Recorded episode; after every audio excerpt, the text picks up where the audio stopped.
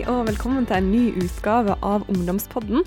Jeg heter Amalie Læring, og jeg sitter her sammen med sexologisk rådgiver Nanna Klingenberg. Hallo! Hallo! Og jeg har ikke sagt hei til deg ennå. Aksel Inge Sinning, psykolog. Hei. Hei. I dag så skal vi snakke om eh, å debutere seksuelt. Når er det egentlig normalt å gjøre det? Det er et spørsmål vi har fått inn fra ei 16 år gammel jente som lurer på dette her, for hun kjenner veldig på et press om å debutere seksuelt. Um, etter det så skal vi komme med litt anbefalinger inn i helga, for det er jo tross alt fredag. Spørsmålene 16-åringen stiller, det er veldig kort, og det står Er det rart å være jomfru når man er 16 år? Jeg føler på et slags press, jeg er ikke klar ennå.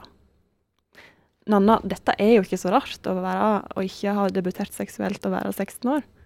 Nei, det er absolutt ikke rart. Eh, den debutalderen, seksuelle debutalder i Norge ligger på 17 år for jenter og 17,9 år for gutter.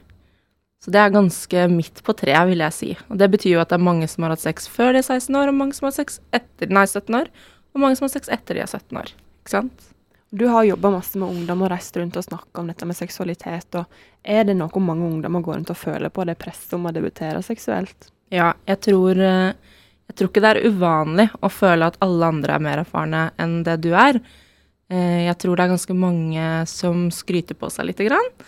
Og så tror jeg det er noen som, eh, som gir Altså, man, det er lett å få en opplevelse at man er den eneste som ikke har prøvd noen ting. Mm. Um, det tror jeg absolutt ikke er uvanlig.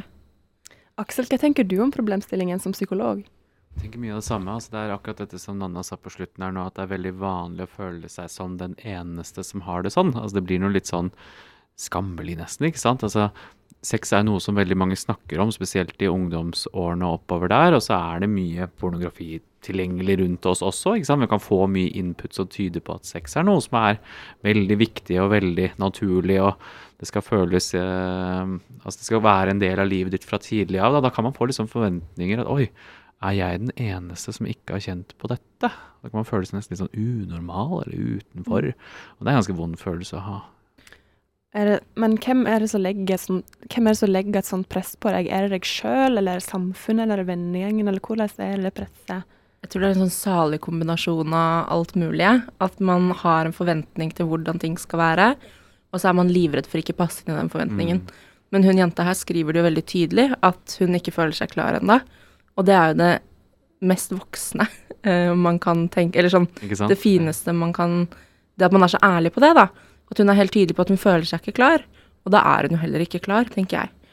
Fordi veldig mange forter seg med å debutere seksuelt fordi man tror at dette er noe Eller man kanskje tenker at dette er noe jeg bare skal få unna. Ikke sant? Det er liksom prestasjonsaktig, sånn det er viktig å si at man har gjort det. Hvor man kanskje da ikke får en så god opplevelse første gangen. Eh, som jo kan være ganske synd, ikke sant. Det er fint For mange så er det fint å vente litt, Nettopp nettopp det der å føle seg klar og føle at det, nå er det riktig for meg, og kanskje det er med en riktig partner. Så hele opplevelsen kanskje blir litt mer positiv, da. Ikke sant? Den, den første gangen man skal ha sex med noen, er på en måte skummel nok som den er allerede. Så å finne og vente til man finner noen som man virkelig har lyst til å ha sex med, og så føler seg trygg med å ha tillit til, ikke sant? det blir det viktigste når hun sier 'jeg føler meg ikke helt klar'. Da, da kan hun stole på den magefølelsen sin. Ja, og det aller viktigste er jo at man er trygg på seg selv, tenker jeg. Sånn at det der å øhm, utforske sin egen kropp, bli kjent med sin egen kropp, finne ut av hva man selv liker, hvordan kropp, sin egen kropp fungerer, eh, er kanskje det viktigste i all form for sex. Da tenker jeg at det der å faktisk kjenne etter selv hva som fungerer bra og ikke, øhm, og føle seg trygg. For da først kan du få en god opplevelse med sex, tenker jeg.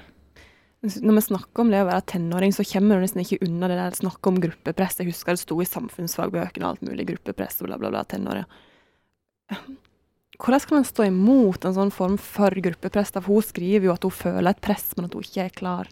Finnes det noen teknikker, Aksel? Teknikker for å stå imot gruppepress. Det er jo ikke alt gruppepress som er dumt heller, på en måte. Man kan jo si, det starte litt sånn i andre enden. Hva er egentlig i press, da? Altså, som Nanna var innom, altså man, man føler veldig behov for å være en del av noe, altså tilhørighet. Ikke være utafor, ikke være unormal. Ikke? Det er de mest, en av de mest grunnleggende mekanismene i et menneske. Det er spørsmålet er jeg god nok for å tilhøre den store flokken. På en måte gjør jeg de riktige tingene.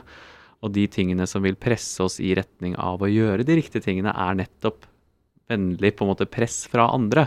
Men når det kommer til noen ting, som f.eks. å debutere seksuelt, da, eller prøve ut noe eh, truende eller liksom kriminell, eller liksom, røyke, liksom sånne type ting, så er det jo ting som plutselig kan gå ganske imot hva vi faktisk føler er riktig, og hva som også er godt og føles trygt for oss. Og da eh, er det lurt å stå litt imot. Og det som på en måte gjelder da, er å kunne snakke om det, så ufarliggjøre det litt. Og så kanskje alliere seg med noen andre, så man kan stå litt sammen. For det er veldig vanskelig å stå imot press alene. Det kan jeg si med en gang. Og når det kommer sånn rent til seksualitet, tenker jeg da, så er det jo en litt sånn derre skrytekultur. Eh, I hvert fall min erfaring at blant mye ungdom så, og blant voksne for så vidt, så er det litt sånn kult å si at jeg har prøvd det, og jeg har prøvd det. Eh, hvor det ikke nødvendigvis alltid ligger en sannhet bak, og at det trenger kanskje ikke ha vært en så fin opplevelse som det man liker å si, ikke sant. Dessverre.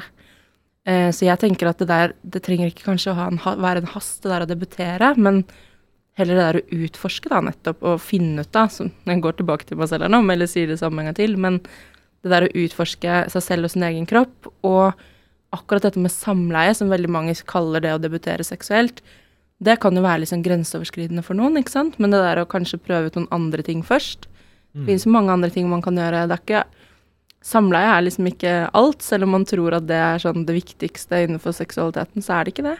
Så man snakker gjerne om forskjellige gir når det gjelder sex. Altså starte rolig, eh, styr, det, styr tempoet selv. Liksom. Man bør gå rett på der.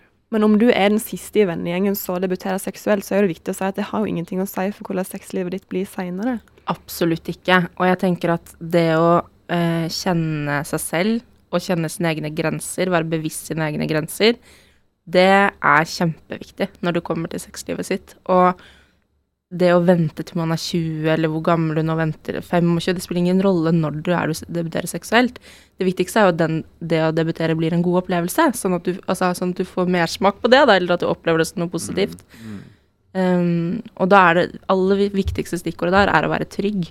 Og når hun sier helt klart og tydelig at hun ikke føler seg klar, da er hun ikke klar. Da spiller det ingen rolle hva venner eller noen andre sier eh, om når man burde debutere, eller om at alle har gjort det. Det spiller ingen rolle. Så hva blir det viktigste rådet vi kan gi til denne jenta her?